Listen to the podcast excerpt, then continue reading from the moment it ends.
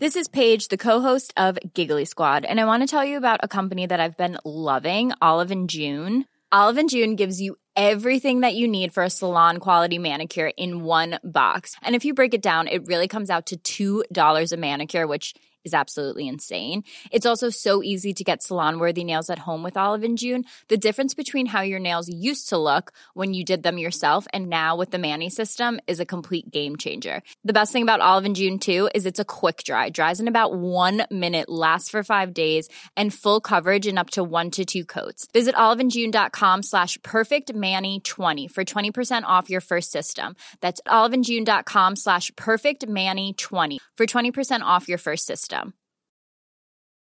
Cool fact a crocodile can't stick out its tongue. Also, you can get health insurance for a month or just under a year in some states. United Healthcare short term insurance plans, underwritten by Golden Rule Insurance Company, offer flexible, budget friendly coverage for you. Learn more at uh1.com. Many of us have those stubborn pounds that seem impossible to lose, no matter how good we eat or how hard we work out. My solution is PlushCare. PlushCare is a leading telehealth provider with doctors who are there for you day and night to partner with you in your weight loss journey. They can prescribe FDA-approved weight loss medications like Wagovi and Zepbound for those who qualify. Plus, they accept most insurance plans.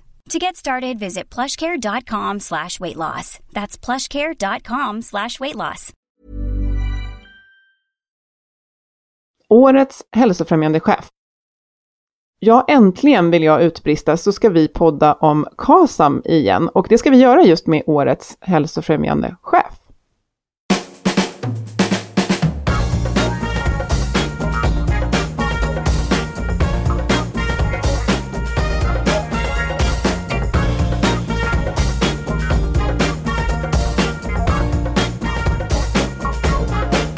Du lyssnar på Health for Wealth. Det här är en podd om hälsa på jobbet. Och trots att vi får det bättre och bättre så mår många av oss bara sämre. Och så här kan det ju inte fortsätta. Och därför tar vi reda på hur företag och organisationer kan bygga långsiktig hälsa och lönsamhet.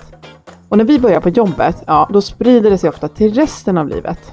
Vi är Ann-Sofie Forsmark och jag driver företaget Oxy Group och jag poddar tillsammans med Boel Stier som är copywriter och kommunikationskonsult.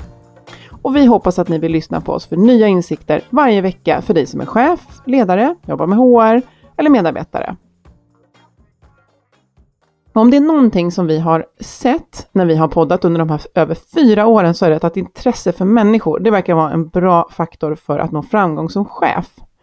Och därtill så ser vi att arbeta systematiskt och gärna med stöd av en positiv så kallad salutogen ansats, alltså där man fokuserar på det som håller oss friska, också är väldigt bra. Och båda de här delarna, det präglar vår gäst idag som är årets hälsofrämjande chef, Roland Fleig. Vi har en samarbetspartner som heter Twitch Health och de eh, har hjälpt både stora och mindre bolag med allt från hälsostrategi till att få till rörelse i arbetsvardagen och de har gjort det i närmare 20 år. Och under den här tiden har de självklart varit med om både hög och lågkonjunktur och de vet att tillvaron alltid kommer vara föränderlig. När vi spelar in det här så är vi mitt i coronapandemin och dess effekter. Och under den här tiden så har Twitch också hjälpt många av sina kunder att ställa om till digitala hälsoprogram. Just för att medarbetarna ska kunna må bra och prestera trots isolering och hemmajobb. För isolering det kan medföra en mängd hälsorisker om vi inte tänker till. Både vår sociala, fysiska och mentala hälsa. Och Läs mer och inspireras av hur några ledande svenska företag gör i den här tiden med, eh, på en, i en artikel från Twitch Health som vi länkar till i inlägget. Idag har vi, som jag tror att många under den här tiden har stött på, lite tekniska utmaningar så att jag är, jag är inte ensam, men jag har inte Boel med mig med ljud just nu. Men Eh, någon som är med det är just Roland Fleig som är årets hälsofrämjande chef. Välkommen! Tack så mycket! Eh, vi skulle vilja presentera dig som VD för energibolaget RWE i Norden och här är du chef för 114 personer i fem länder. Men du är också utbildad psykolog och sen har du jobbat som managementkonsult och sen har du just då blivit utsedd av Euroaccident till årets hälsofrämjande chef. Grattis! Tack så jättemycket! Jätteroligt att få vara med och prata med er om hälsa i arbetslivet. Vi vill boosta dig ännu mer genom att läsa motiveringen, för det står att denna chef vet att medarbetarhälsan är kopplad till företagets framgång och resultat. Infört mätetal för hälsa som följs upp tillsammans med övriga affärsmål. Och hälsostrategin är affärsstrategin. Personligen blir jag jätteglad här. Eh, och för denna ledare är medarbetarnas livskvalitet huvudmålet. Och med psykologens perspektiv jobbar han tydligt via ledarskapet med psykisk och fysisk hälsa. Har utvecklat och driver utbildningsprogram i hållbart ledarskap och det här hjälper både chefer och medarbetare att leva och leda hållbart. Kan du, skriver du under på nomineringen, eller beskrivningen? Det är bra att det är radio nu så man ser inte när jag rådnar men, men det gör man ju alltid såklart när någon har skrivit ihop en sån eh, formulering. Men i stora delar så är det såklart det är klart korrekt att vi har jobbat under en längre tid med att stärka individen, eh, individens förmåga att hantera omvärlden eh, så att eh, i, i också situationer när det är lite mer stressigt eller till exempel som, som nu när det tränger sig på osäkerheter och, och nymodigheter som, som man inte kunde förutse för några månader sedan så hoppas vi att våra medarbetare är rustade för den utmaningen. Jag tänker med din bakgrund som, som psykolog, vill du kort beskriva, har du praktiserat som psykolog eller hur såg, hur såg den banan ut? Min bana som psykolog såg ut som den borde göra till en början, det vill säga jag tog min legitimation. Ehm, det gjorde jag genom att arbeta främst med rekrytering och urval eh, i statens tjänst. Ehm, sedan så valde jag att gå över och bli managementkonsult. Jag är förutom psykologexamen så har jag också en, en eh, ekonomiexamen från Lunds universitet. Så att, eh, jag valde att jobba mot organisationer faktiskt med processutveckling och lean-koncept och sådär. Eh, det gjorde jag i tre år och sedan så eh, eh, kom jag in i energibranschen och det, då kom jag in i att jag eh, var duktig på processer och, men jag kom in som ledarutvecklare på eh, det som då hette E.ON. Så att, det heter fortfarande E.ON ska vi säga. Mm. Och där har jag varit sedan 2007 och eh, de senaste tio åren har jag då varit eh, i, i haft personalansvar i olika konstellationer. Och det är väl främst där som jag har då kunnat eh, applicera mina psykologkunskaper också i, ehm, eftersom det, det, blir naturligt när man, tycker jag, när man, när man har en psykologexamen i botten att man är väldigt intresserad av hur jag utvecklar individer och team. Det är det vi väldigt mycket lär oss i fem år. Ehm, så det har varit mitt fokus och därför är det roligt då för det finns väldigt mycket stöd i forskningen för att om man fokuserar på att utveckla individer och team så att man bygger bra lag, då får man resultat. Ehm, man, man blir liksom en, en eh, high performing organisation eh, genom detta. Genom att ha ett bra fokus både på att folk ska vara eh, ha en bra hälsa, att de ska vara tillgängliga, men också självklart att de ska vara så glada och motiverade så att de presterar bra i den roll de har. Att, ja, jag tänker att Ja, jag tänker just det där med att eh, om man tittar på hur ledarskapet har utvecklats och det, det ledarskapet som vi ser behövs idag. Det handlar ju otroligt mycket om det som är kärnan i psykologi, att liksom förstå, förstå människor och förstå alltså känslor, tankar och beteenden och, beteenden och kopplingen däremellan. Så att det känns ju som att eh, det är en otroligt bra, eh, liksom, något att vara rustad med eh, i, i roller och där har ju du ett långt försprång då i och med att du som sagt har jobbat, jobbat med det här tidigare. Någonting som vi har pratat jättemycket om i den här podden och kommer tillbaka till ofta och som jag möter också när jag är ute och jobbar, det är att man vill så gärna mäta hälsa. Och, och vi är ju väldigt duktiga på att mäta massa saker. Eh, och här har eh, du, du har ett fokus på det, vilket man också tar upp i motiveringen. Du fokuserar på mätning, men också sagt att det ska man inte göra för krångligt. Men däremot så vill du prata om frisktal och, och liksom kopplingen till balance scorecard som, som för många är liksom ett välkänt begrepp när man har jobbat med, med det som du har gjort tidigare. Eh, hur mäter man utan att göra det krångligt när det gäller hälsa? Jag tror det finns jättemånga sätt att mäta utan att göra det krångligt. Vi, vi, väljer det här sättet som alla känner igen som har gått igenom en säkerhetskontroll på flyget. Nu var det ju länge sedan vi fick göra det men, men när man gör det så får man ju svara på en fråga efteråt om hur man tyckte det var, om man vill då. Ehm, och vi skickar ut en sån fråga till våra medarbetare eh, varje dag, ehm, eller varje vardag ska jag säga. Ehm, och då, det som för det som, jag skulle vilja säga så här, jag fokuserar kanske inte på mätetalet i sig, men vi fokuserar på den dialog som man kan få ut av att mäta trender. Eh, och det kommer ju också lite grann, jag jobbar inom operations, jag jobbar med drift och eh, där är lean eller eh, operational excellence eller vad man vill kalla det en, en stor grej. Och där försöker man följa hela tiden med sina nyckeltal, försöker man följa trenden Eh, snarare än liksom någon absolut. Så vi vill fånga upp om vi är på väg i en dipp. Om jag tar ett nära exempel så är det såklart att för några veckor sedan så gick våra, eh, våra tal när det handlar om, om hur glada människor är, den gick ju ner. Eh, och det var ju fullt naturligt. Och sen har vi försökt eh, jobba för att få upp det igen och så har det gått ganska bra. Eh, men det handlar hela tiden om det att, att inte tappa medarbetarna, inte tappa iväg dem och, och sen då försöka se till att vi har någonting att prata om. För röda och gröna gubbar då som vi tittar på så är det så att vi vill ju att människor ska identifiera sin egen röda gubbe och i första hand kanske göra något åt den själva.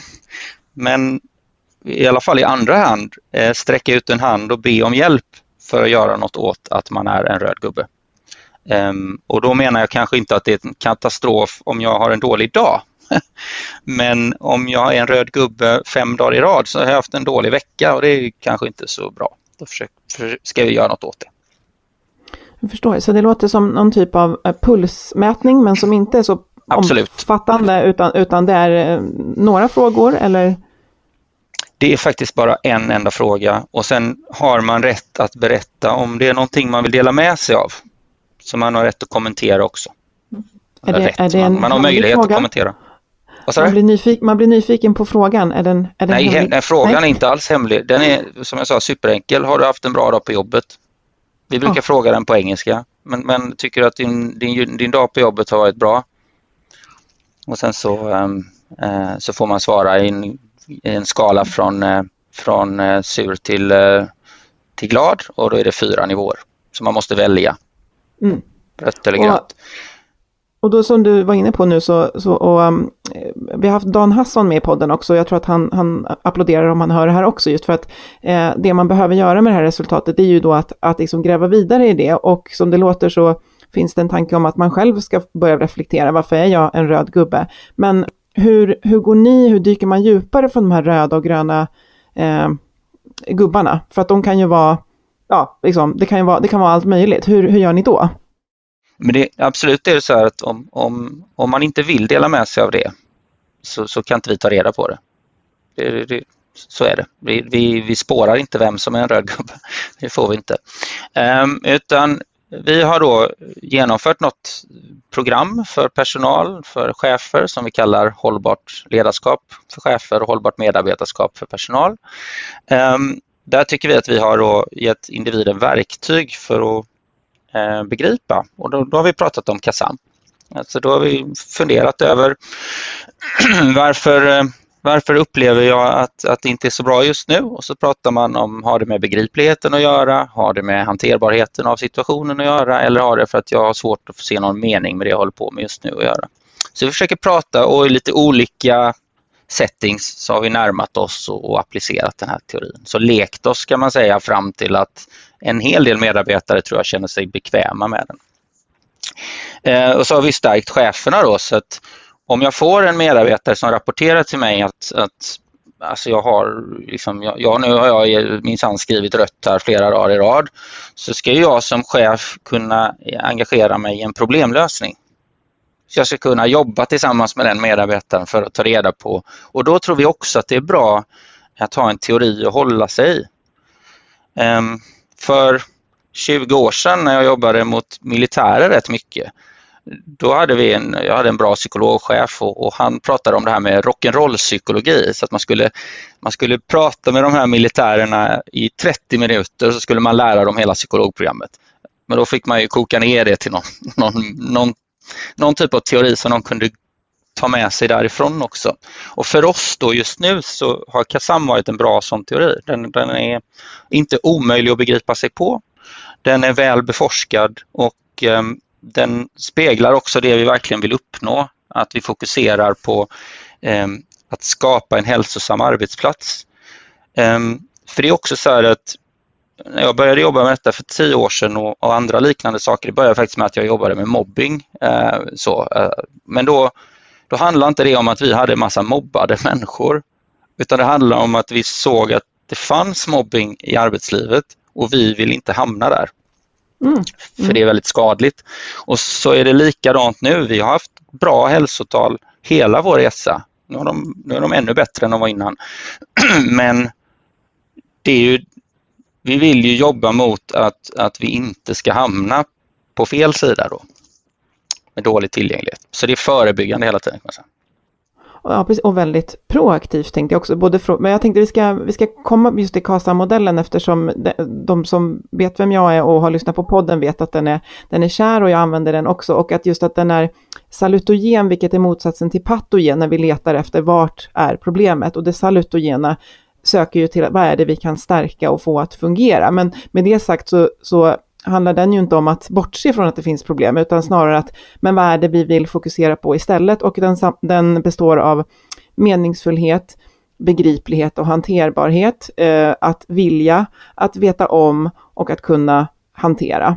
Och som Boel brukar säga, varför, vad och hur brukar hon använda. Så att man behöver ju hitta sin, sitt förhållande till den här modellen. Och något som jag har reflekterat över är att den passar så otroligt bra, oavsett om jag sitter med en ledningsgrupp och funderar på hur vi ska öka lönsamheten, eller om jag funderar på hur jag ska ta mig igenom något motionslopp som jag har lyckats anmäla mig till. Och vad det än är så behöver alla bitarna finnas på plats.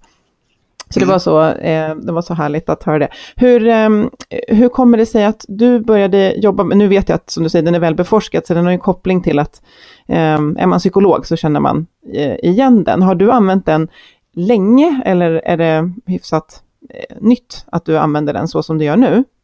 Nej, den jag den plockade jag fram då när vi, när vi ville fokusera på hållbarhet eh, ur ett individperspektiv, så fem sex år då. Um, men, men det är klart att när man stöter på den, som jag gjorde under psykologprogrammet, så, så är det precis som du säger. Um, det är ganska det finns rätt mycket fokus om man läser till psykolog på att eh, förstå sjukdom och, och bota sjukdom. Um, men det är klart att en del människor, precis som jag, eh, tycker ju blir ju fullkomligt förälskade i det här salutogena perspektivet. Eh, eftersom kanske vi redan på den tiden är mer intresserade och fokuserade på att få organisationer att prestera eh, än, än, än, på att, att få eh, psykiskt sjuka individer att, att bli bättre. Det är ju bara ett in, intressefråga då. Eh, och sen så kom jag i kontakt med Fredrik Bengtsson. Fredrik Bengtsson och jag läste tillsammans i Lund, så det var inte så konstigt att vi fick kontakt. Men, eh, och jag har jag har använt hans böcker lite så här eh, i mitt, eh, i mitt ledarskap och, och i min coachning genom åren. Ehm, jag tycker att många av hans böcker fungerar väldigt bra att ge till människor som kanske behöver Eh, påbörja en liten inre resa för att förändra sig själva. Ehm, och då pratade jag med Fredrik Bengtsson. För, för, I mitt perspektiv så är han en av dem man ska prata med om man ska bygga en, en, eh, ehm, en hållbar organisation. Och så gemensamt kom vi överens om att Kasam var trevligt att använda i det här sammanhanget. Så han har varit en, en, eh, en jätteviktig sparringpartner för oss när det handlar om att bygga upp det här internt. Den här. Och honom, honom har vi använt oss av väldigt mycket. Vad spännande. Eh, Fredrik är en, en god vän till mig. Jag brukar beskriva honom som min Baloo, som jag sa till dig tidigare.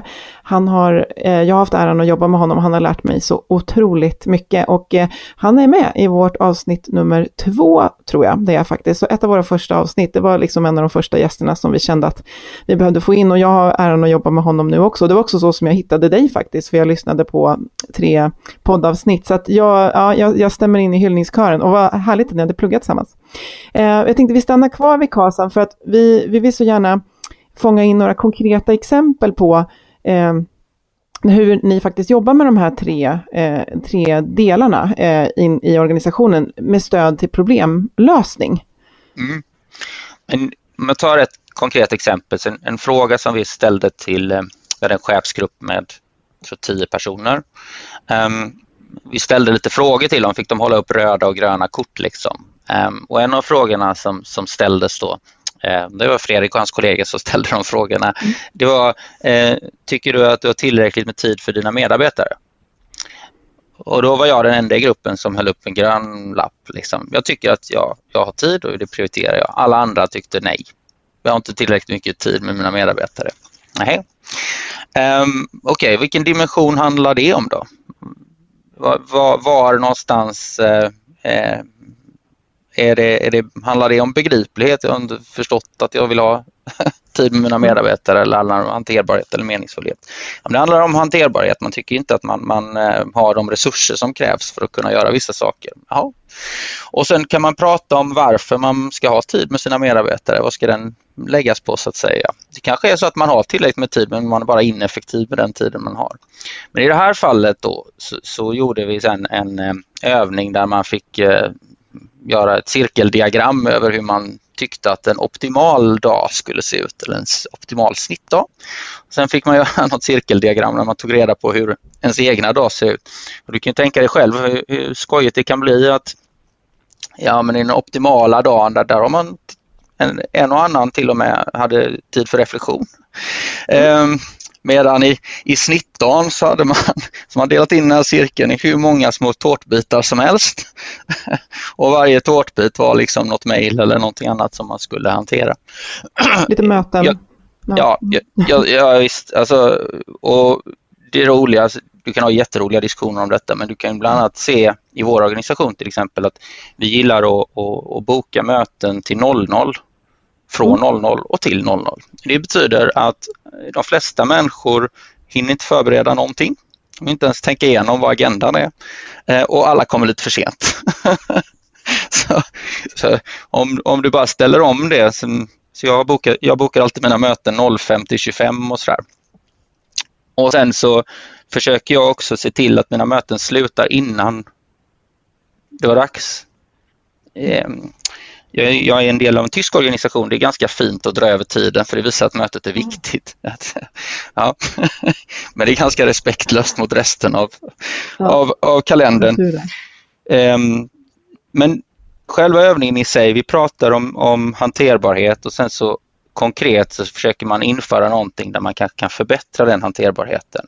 Men framför allt det som Eh, personer upplever att de får, de, de, får ett sätt att tänka kring det här. Okej, okay, problemlösnings och problemorienterat. Vad, vad, är min riktiga utmaning? Och Jag tror det är viktigt också som chef eller som medarbetare att man faktiskt, det är det här balance scorecard kommer in. Det är bra att ha en liten idé om vad som är viktigt. Vad vill jag få uträttat? Um, därför att när vi utmanar våra chefer så visar det sig att de gör en massa saker med sin tid som om du hade frågat dem dagen innan så hade de inte sagt att det var viktigt. Så då hade jag lagt tiden på sånt som kanske inte var så viktigt. Men eh, jag vet inte vad vi ska kalla det, men det hade en hög attraktionsfaktor just då. Mm. um, och det, det, är lite grann, tycker jag, då, och det, det, är väldigt lätt, jag hamnar där själv. Men då är det lite grann att man, man rycks med och, och, man agerar nästan som medvetslös. Liksom. Istället, istället för att tänka efter vilken aktivitet jag nu tänkte ägna mig åt så bara rycks man med om det är inboxen eller telefonen eller vad det är som händer. Och jag, när jag pratat med Fredrik och pratat med andra kloka människor så, så verkar detta inte ha bara med arbetslivet att göra. Utan det här verkar vara någonting som vi bara fångas av. Liksom. Ja. Eh, och går man till sig själv så, så kan man se det också att man kommer hem från jobbet och redan på vägen hem så är man upptagen med att planera den perfekta logistiklösningen för den här kvällen. Liksom. Ja, men om jag lämnar av där och sen hinner jag köpa det. Jag kanske till och med hinner bort och, och slänga lite skräp någonstans. Eh, och, och, sen gör jag det och det och det och sen har man en fantastisk logistiklösning med 17 grejer. Eh, och sen undrar man lite ja, varför är jag så trött? Eller varför har jag svårt att slappna av? Eller varför har jag svårt att sova? Så att jag tror att det är det här, det är så lätt att ryckas med. Det är lätt att ryckas med av sociala medier och allting. Um, och så till slut så har man inte hanterat sin tid alls därför att man inte haft någon plan. Så det var ett långt svar på din fråga. Ja, nej, men det var jättebra. Som du säger, det, det, går inte, det är inte vattentäta skott. Man kan inte säga att ja, det här var, en det var bara på ar arbetsplatsen, utan ofta så spiller våra beteenden såklart över hit och dit. Och det låter som att ni använder ehm, Ehm, eh, KASAM som, som ett lite inventeringsverktyg för att identifiera det här jag upplever, det här som är min röda gubbe. Och så, vart, vart är det? Och jag får se om du håller med mig, men jag upplever ofta att, och så kan man peka ut att ja, men det är det här hörnet som det brister. Men när hanterbarheten brister, till exempel om vi säger för en medarbetare, så kan ju det ha att göra med att det är någonstans på begripligheten som det har brustit. Därför att vi har inte kommit överens om vad förväntningarna är på dig. Och sen så påverkas min meningsfullhet, för när jag konstant känner att jag inte hinner med mina 17 prioriterade saker som jag försöker ha efter varandra på fritiden, så känner jag, jag hinner aldrig med. Och då behöver man liksom, man behöver börja skruva på en faktor och sen får det effekt på hela den här triangeln. Håller mm. du med? Ja, jag håller med. För oss är det, jag fick ju frågan innan här om vad, vad, hur, hur praktiskt använder vi KASAM och vi använder det som det här problemlösningsverktyget. Så först är det någonting som inte fungerar och sen vill vi förstå det och, och hitta någon typ av lösning och då är det ett bra verktyg. Ja. Um, och jag tar ett annat konkret exempel just när det gäller det här med meningen, för den har ju visat sig också forskningsmässigt vara extra viktig. Om du ska mm. liksom, att, att, att, kunna skapa den.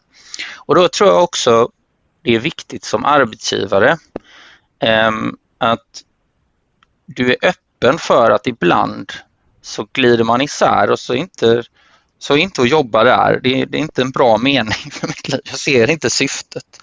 Och det kan, jag tror att i alla fall i min upplevelse att i Sverige så, så har det ibland varit lite för laddat.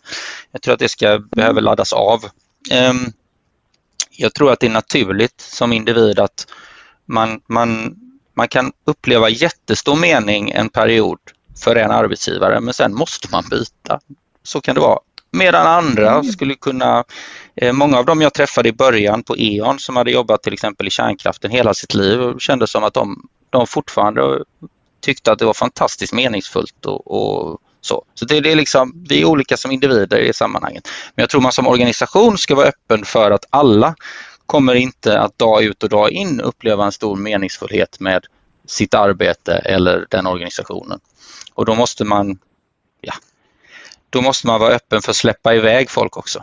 Ja, det är ju superintressant och där tänker jag verkligen att eh, vi, har, vi har liksom ramlat in, vad ska man säga, i, i, en väldigt kritisk lågkonjunktur nu och i en högkonjunktur har i alla fall jag upplevt att det är mycket mer fokus på att, att liksom vara attraktiv arbe, arbetsgivare med ett attraktivt syfte.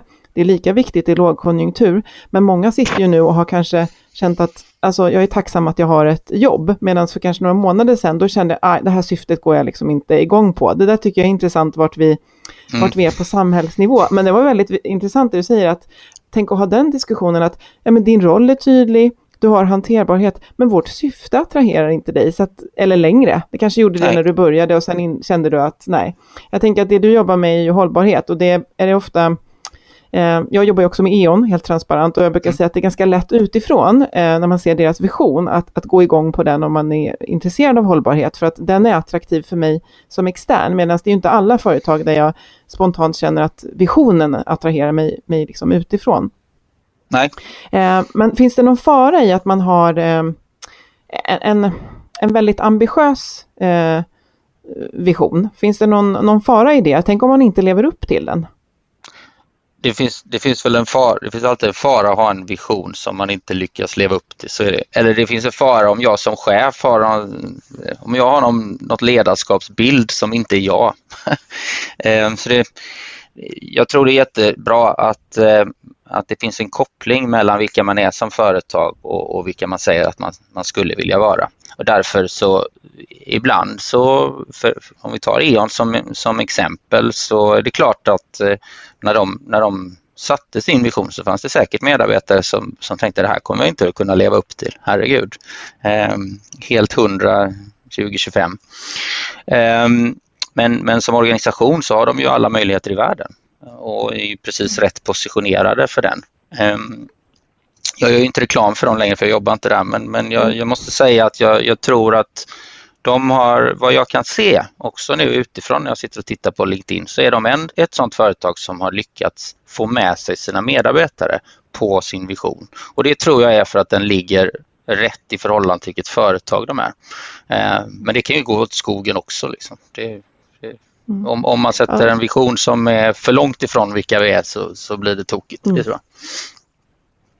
Och, och, jag tänker där att nu, nu pratar vi om sånt som är ganska lätt för många att koppla upp sig på, men det har med, med, med liksom hållbarhet att göra för hela planeten. Men det finns så många organisationer. Hur ser du på, om vi tittar på KASA-modellens meningsfullhet, behöver det alltid vara någonting så här stort? Eller kan man, kan man ha, vi, vi poddade någon gång och då, och då sa vi, ja men hur kan man motivera att sälja chips? Ja men jag, jag stöttar fredagsmyset. Alltså är det, kan man ha en meningsfullhet som inte är så, så pompös, eller vad man ska säga? Ja, det tror jag absolut. Man, man, behöver ju inte, absolut inte vara pompös. Dessutom så är det väl så att de flesta organisationer kan bidra positivt till klimatet. Det, är liksom, det, det, det behöver man ju inte vara E.ON för att göra så att säga. Um, utan, utan det är ju enkelt egentligen. Um, men man ska inte alls vara så pompös. Jag hade en, en rolig kollega som en gång sa att han kunde jobba med vad som helst. Han, han hade jobbat på IKEA, nu jobbade han på, på E.ON. Han, han menade att han kunde jobba med vad som helst utom vapen och trams. Mm. Jag tror, och med trams menade han, om jag, när jag frågade, då menade han som, du vet sådana här porslinstallrikar som man eh, eh, ger ut eh, en gång, en gång om året med årstalet på, det tyckte han var hans definition. Och det finns mm. säkert människor som jobbar med vapen och trams som har en helt annan bild. Eh, som, som tycker att det skänker massa mening till människor. Jag, jag tror det är bara viktigt att man går till sig själv och funderar så att man inte hamnar på ett ställe där man helt plötsligt, ja men det här var inget jätteroligt. Jag har träffat människor som eh, inte kunde jobba med fjärrvärme för de förstod inte fjärrvärme. De fattade inte poängen. Nej, okej, okay, då ska du kanske inte jobba med fjärrvärme. När jag började på E.ON då för många år sedan så fick man höra att det är viktigt att du kan tänka dig att vara i en organisation som jobbar med kärnkraft. För det var den stora laddade frågan. Um, några år senare så var det, eh, det viktigt att du kan tänka dig att vara i en organisation som, som jobbar med kolkraft. Så det är viktigt att man kan gå med på det som, som mm. individ och det är viktigt att man vågar ställa den frågan till sig själv. Ska jag mm. vara här? Um, men sen så jag har inga problem till exempel, det hade jag inte 2007 och det har jag fortfarande inte, eh, att vara i en organisation som, som jobbar med kärnkraft. Men det, men det är jag som person som inte har det problemet. Nej, och ta den dialogen, eh, både som sagt vid rekrytering men också under tiden eh, och, mm. och, prata om det. Ja, nej, men det där är, jätte, det, det är jätteintressant. Jag reflekterar mycket nu över hur eh, den här meningsfullheten, eh, vad den får, som har varit så, The Why liksom, och Simon Sinek och allt det här som liksom har funnits i någon typ av högkonjunktur och så, och så den situationen vi är i nu som präglas av mycket oro och hur meningsfullheten eh, påverkas. Mm. Men jag tänker också har lite inte, på har vi, inte, ja? har vi inte alltid varit där en gång, eller de flesta av oss i alla fall, har varit i en situation när meningen med jobbet, det var faktiskt bara lönen. Mm. Absolut. Um, så har jag Absolut. haft det. Um, mm. Och um, så har många människor det. Och mm. det är väl också, det är också meningsskapande därför att din mening kan vara, jag vill ha pengar, varje månad för att jag ska göra någonting av dem som skänker mig stor eh, mening. Och eh, det blir ju lite konstigt om vi tvingar alla att hitta supermening på ja. sitt arbete. Men däremot så tror jag att vi kan få många fler att ha roligt på jobbet. Det är en annan femma. Liksom. Absolut. Men, vi, har, eh, vi har pratat om det här tidigare, just det här att, att eh, jag har ett exempel, en god vän som jag vet är, alltså som person skulle alltid göra ett bra jobb och alltid säga, nej men gud, här finns ett problem som behöver lösas. Men om man skulle fråga honom vart hans engagemang ligger, ja men det är mitt fritidsintresse. Men, mm. men jag behöver ju jobbet för, för, jag vill att det ska funka bra där och jag är en schysst kollega. Och som du säger, jag kan ju också reflektera och, och jag och Boel har gjort det över liksom kanske våra tidiga jobb där man liksom, jaha, och den 25 kommer lönen. Men, men när vi har det tillräckligt bra så mm. om man tar Maslows något kritiserade behovstrappa eller vad man vill använda, så, så vill vi ju när vi mår bra, vill vi ofta bidra och hjälpa till. Och det är också en reflektion nu med, med coronakrisen, att, att jag tror att många känner sig väldigt engagerade. Sen kan det vara att engagemanget sker i att jag hjälper mina grannar att handla eller vad det kan vara. Men, men vi vill bidra och hjälpa till och vi vill få forum för det. Och kan vi som arbetsgivare skapa det så, så ger ju det snarare energi än, än tröttar ut oss om vi kan få en hållbarhet eh, i, i, i vardagen så att säga. Mm, absolut. men upplever du, um, jag kommer tillbaka till det här med att, att ha tid att, um, tid att leda, som ju verkligen kan vara, ja alltså de flesta skulle säga att de har ont, ont om tid. Eh, men hur, hur, tycker du att man ska förhålla sig till att man känner att man inte har tillräckligt med, med, med tid att leda? Om man gör den här inventeringen med KASA-modellen och så ser man att det är ju tiden som brister och du beskrev det här med möten som, som slutar 00 och börjar eh, 00. Vad, vad, vad skulle du vilja dela med dig för tips där? Hur får du det att, att hålla? Jo, ehm, och nu, nu ska jag vara ärlig och säga att många av de tips jag ger, de har jag ju fått av någon annan längs resans gång. Så är det ju ofta. Så det är inte jag som har kommit på de här. Eh, men, men i min kalender så står det alltid att jag ska åka till USA ibland och USA det står för utan särskild anledning. Det fick jag lära mig av någon att det var käckt. Um, och då finns det inlagt i kalendern så jag blockerar lite av den. Uh, och det jag hade någon annan kollega, han, han, eh, han hade liknande men han gick iväg, satte sig på ett café, tog, en, tog någonting han gillade och ett vitt papper framför sig. Och jag tror att eh, det hade väl varit mitt tips till, till chefer, att, att skapa den oasen. Eh, ta gärna det vita pappret framför dig och så fundera över vad är de viktigaste sakerna just nu. Mm. Och för det, jag har träffat också många chefer som kommer till coachande samtal eller ditt samtal med sin att göra-lista. Den, den, är alltid väldigt lång. Mm. Eh, och ibland brukar jag säga, ja men ska vi inte ta, ta bort den en liten stund? Så tar vi ett vitt papper istället och så tänker vi, vad är nu de viktigaste sakerna och varför? Och så pratar vi om det. För då kan vi få ner listan från 73 saker till 4. Eh, ganska, ganska smidigt. Mm. Eh, så jag skulle säga då, eh, blockera din Outlook om den för många av oss, i alla fall i min värld, så, så är Outlooket det är där tiden Det är som bokas. navet. Det, ja, det är som navet idag. Man är där och tittar. Var ska jag vara? Vad händer? Ja. Mm. Och sen eh, så, så, så, se till att det finns avsatt tid för det som jag skulle säga är reflektion. Eh, men mm. som sen ska leda till någon typ av planering och svara på frågan vad är, vad är de viktigaste sakerna som jag ska göra just nu? Ehm, och jag tror inte man behöver eoner med tid. Jag tror att många löser det här och liksom eh, på, med, med begränsad tid. Men jag tror också det är individuellt om man känner att man behöver två timmar för man måste varva ner först eller om man löser det på en kvart. Så, så det, det, kan jag inte gå in i. Um, sen tror jag absolut att du ska boka dina möten 05 till 55 och inte 00 till så. Det, det hade varit bra om alla kom överens om det. Det är som i skolan, man har en kvart på sig mellan lektionerna på universitetet ja. i alla fall. Ja. Och sen har man en kvart på sig att komma till skolan också. det är bara kvart över. Ja. ja eh, det kanske inte är någon, någon eh, dum plan, men det skulle vara, för, för att skapa tid är det eh, viktigt. Och sen så såklart att man funderar över eh, och kanske utmana sig själv lite. Ger du dina medarbetare tillräckligt med tid? Finns rätt trevlig forskning. Eh, Marcus Buckingham har skrivit ett antal böcker om det som Gallup har gjort där, där det visar sig att medarbetare blir rätt glada och, och presterar rätt bra om de får lite av din tid. Um, mm. rätt mycket av din tid varje vecka. Och då handlar det inte om att ha en massa inbokade möten utan det handlar nog mer om att ta upp telefonen och så. Och sen om man ska vara ful då så ska jag säga så här också att aldrig, aldrig, aldrig eh, skicka iväg någon kritik i mail eh, och gärna undvika att komma och dela ut uppgifter eller eh, överhuvudtaget komma med några dåliga budskap på fredag eftermiddag. För det förpestar ofta en längre tid. Det är bättre att vänta med det till måndag när vi, kan, när vi har arbetstid och, och bearbeta det på. Mm.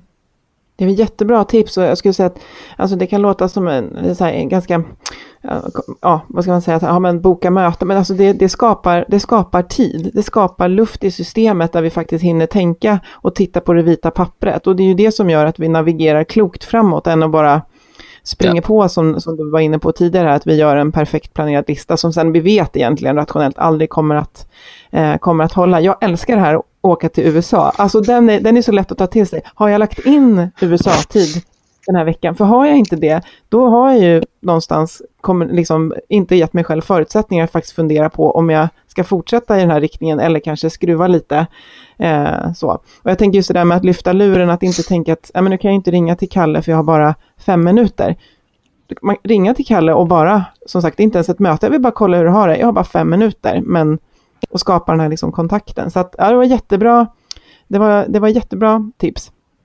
Jag tänker, jag tänker också som, ja. säga det att, att, jag tror att det är, det är din kollega på Oxigroup som, De skrivit att man, vi har ju en tendens att övertänka allting.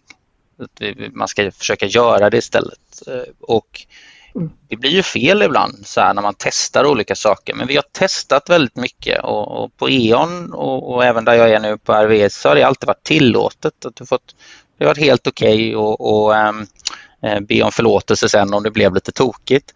Men även inom ledarskapet tror jag det är, jättebra att testa saker och, det, kan, det kan se ut så att en hel eh, ledningsgrupp sitter och tittar på en film av Susanne Bier och, och känner sig lite ner, nere strax efter frukost eh, som man sen ska prata om. Men, men jag tror det är bra att, att man inte går och, och överplanerar sina möten eller sina chefsträffar eller vad det nu är.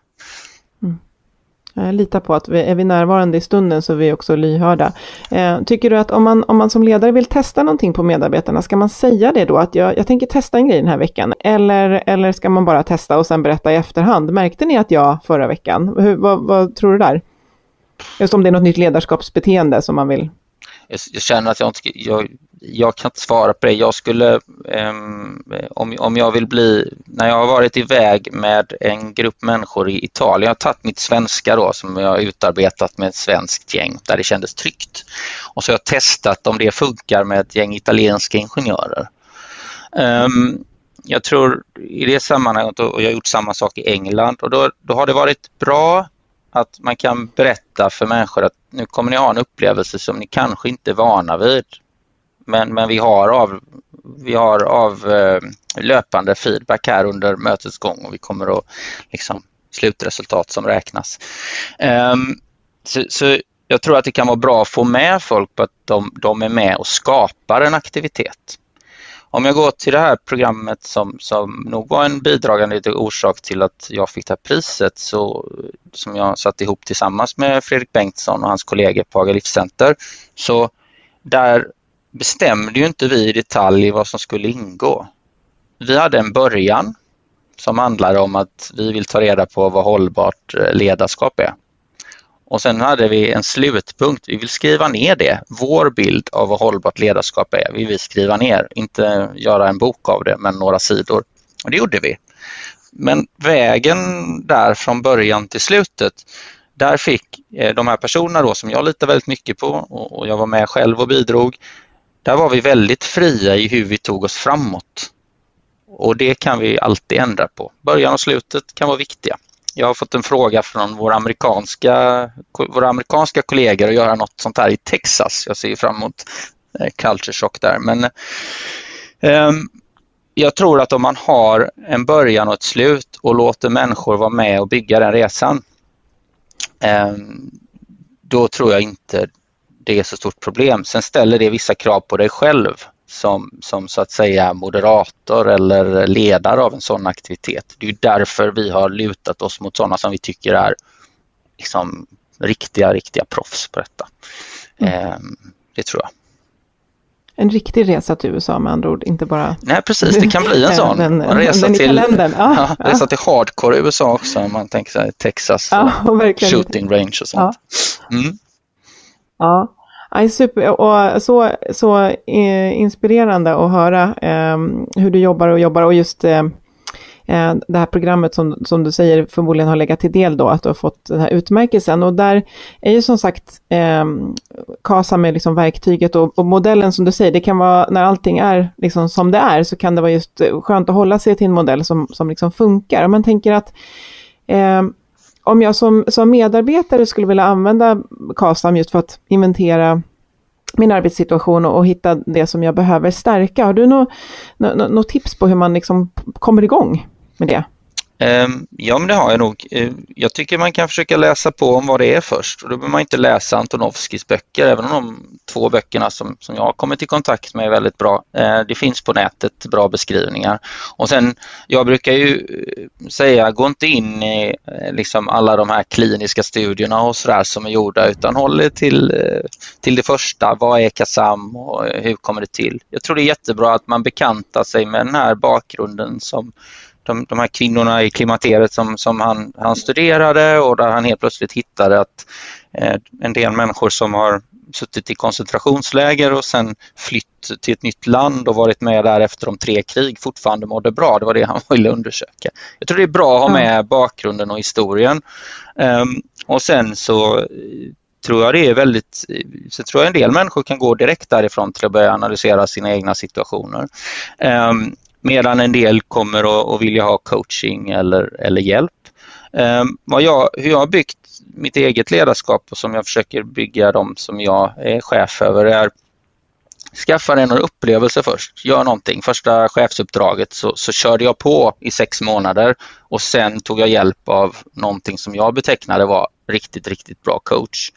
Ehm, jag tror ju att man ska ut och vilja ha hjälp. Jag, jag tycker att fler människor borde gå till psykolog när de är 16 liksom. så det är bra att prata med ett proffs redan då. Um, och, och, det försöker jag leva efter själv då. Både att jag, jag själv gör det men att jag uppmanar också eh, de som rapporterar till mig. Och då tror jag inte alltid de ska prata med mig. Mm. Jag tror det är bättre att, att, ta det med någon som faktiskt är helt neutral och proffsig. Och vi som organisation, vi stöttar ju det därför att vi tror att det är en bra investering. Det, det tänker jag också ja. att det är en arbetsgivargrej liksom, att se till att, och det vet jag att många, många arbetsgivare gör idag, det ingår i många, många företags hälsovårdspaket så ingår detta. Eh, åtminstone mm. ett eller två stödjande samtal. Ja, det är inte dumt. Att känna sig själv och förstå, det, det känns som att det är grunden för mycket. Vi, vi vill verkligen tacka för, du har ett så himla bra eh, bildmetaforer, det gillar vi, för det är så lätt att ta till sig just när vi är det här formatet som vi är, med det här vita pappret eh, och boka tid för eh, resa till USA eh, utan särskild anledning, var det så det var? Ja, så ja. var det. Jag tänker också om man, om man känner att, ah, men gud, har jag tid att reflektera? Det här är ju, det är ju verksamhetsutveckling och personutveckling och det, det mår både vi och vår arbetsplats bra av. Tack så jättemycket för att du var med och eh, grattis igen och lycka till med, med fortsatta arbetet där du är. Detsamma, detsamma och, och tack för att jag fick vara med. Tack. Vi har eh, en samarbetspartner också som heter motivation.se som är Sveriges ledarskapssajt och eh, nu känns det här jättejobbigt men eh, dagens tips på artikel att läsa där, den har faktiskt jag skrivit eftersom jag eh, är frälst i Kassam då. Eh, och den, den handlar om känslan av mening, skapa potential eh, och den har jag gjort i en serie där jag skriver om fem nycklar för ett hållbart arbetsliv.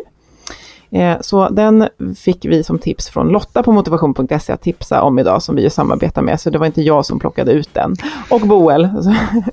Så vi vill tacka Twitch Health och vi vill tacka motivation.se som våra samarbetspartners. Och så tackar vi Agda Media för den här produktionen och igen Roland för att du var med. Vi vill höras vidare. Hur använder ni KASAM? Eller använder ni någon annan modell? Eller vad tycker ni att vi ska prata om? Eller hur har ni det? Vi hörs på LinkedIn där vi är aktiva. Vi finns också på vår hemsida healthforwealth.se och vi ser fram emot att höras igen om en vecka. Sköt om er där ute. Hälsningar från mig och Boel. Hej då!